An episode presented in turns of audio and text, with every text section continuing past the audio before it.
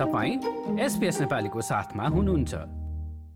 विश्वलाई एकपटक टक्क रोक्ने खेल पनि भनिने सन् दुई हजार बाइसको विश्वकप फुटबलको चौसठीौँ एवं अन्तिम खेलमा फ्रान्सलाई हराउँदै अर्जेन्टिनाले उपाधि चुमेको छ।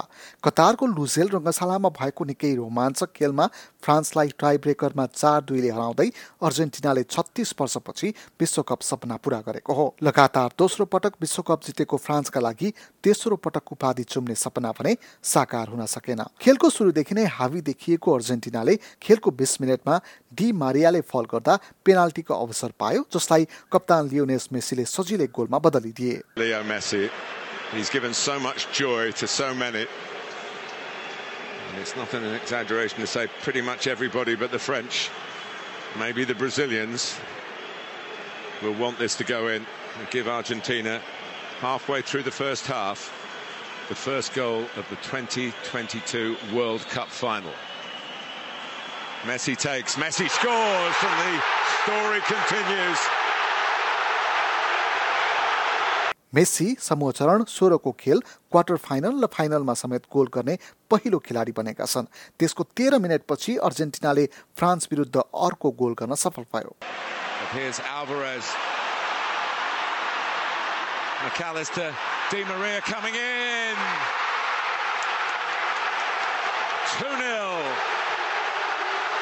पहिलो हाफमा निश्चित जितका साथ अघि बढिरहेको अर्जेन्टिनाका लागि दोस्रो हाफपछि भने नोलाकार ओटामेन्डीले फल गरेपछि फ्रान्सले पेनाल्टीको अवसर पायो। एम्बापेले उक्त अवसरलाई गोलमा परिणत गरे र नतिजा दुई एक हुन पुग्यो। तर यसको एक मिनट पनि नपुग्दै एम्बापेले सबैलाई चकित पार्ने गरी दोस्रो गोल गर्न सफल बने। यो गोलसँगै फ्रान्स खेलमा हावी भएको देखियो.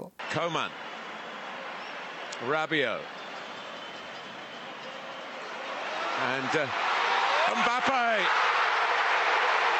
There he is. What a comeback by France. The comeback led by Kylian Mbappe. थपिएको एक्स्ट्रा टाइमको दोस्रो हाफमा भने अर्जेन्टिनाले अर्को गोल गर्न सफल भयो तर पेनाल्टी एरियामा फ्रान्सेली टोलीले पास गर्दै गर्दा गुस्तापो मोन्टियलको हातमा लागेपछि भने फ्रान्सले पेनाल्टी पायो र पुनः एकपटक एम्बापेले ह्याट्रिक गर्दै गोलमा बदलिदिए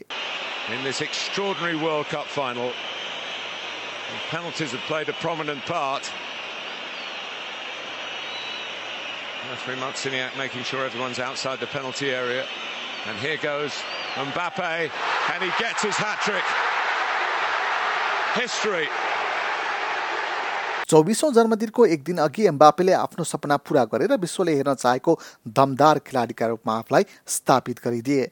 खेल तिन तिनको बराबरीको स्थितिमा पुगेपछि भने पेनाल्टी सुटआउट मार्फत खेलको निष्कर्षमा पुग्नुपर्ने भयो। एम्बापे र मेसीले प्रहार गरेको पेनल्टी सिधै गोलमा परिणत भए। तर किङ्सले कोमनले फ्रान्सका लागि प्रहार गरेको गोल अर्जेन्टिनी गोलकिपर मार्टिनेजले रोक्न सफल भए the history maker.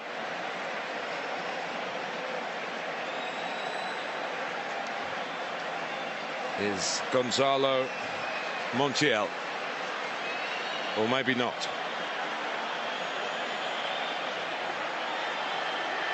He is. Argentina have won the World Cup. France have lost their title. Lionel Messi has won the World Cup.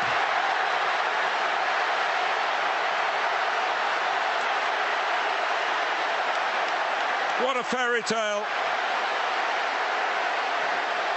What a final.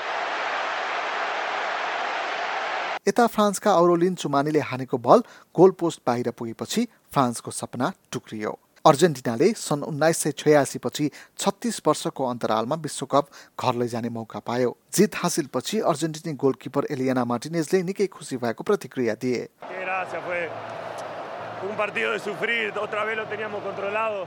We had to dig in in this game. Although everything was under control, they scored twice and made it 2 all.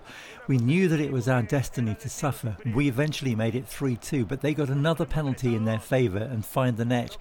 They almost scored twice in extra time. Thankfully, they didn't manage to score again.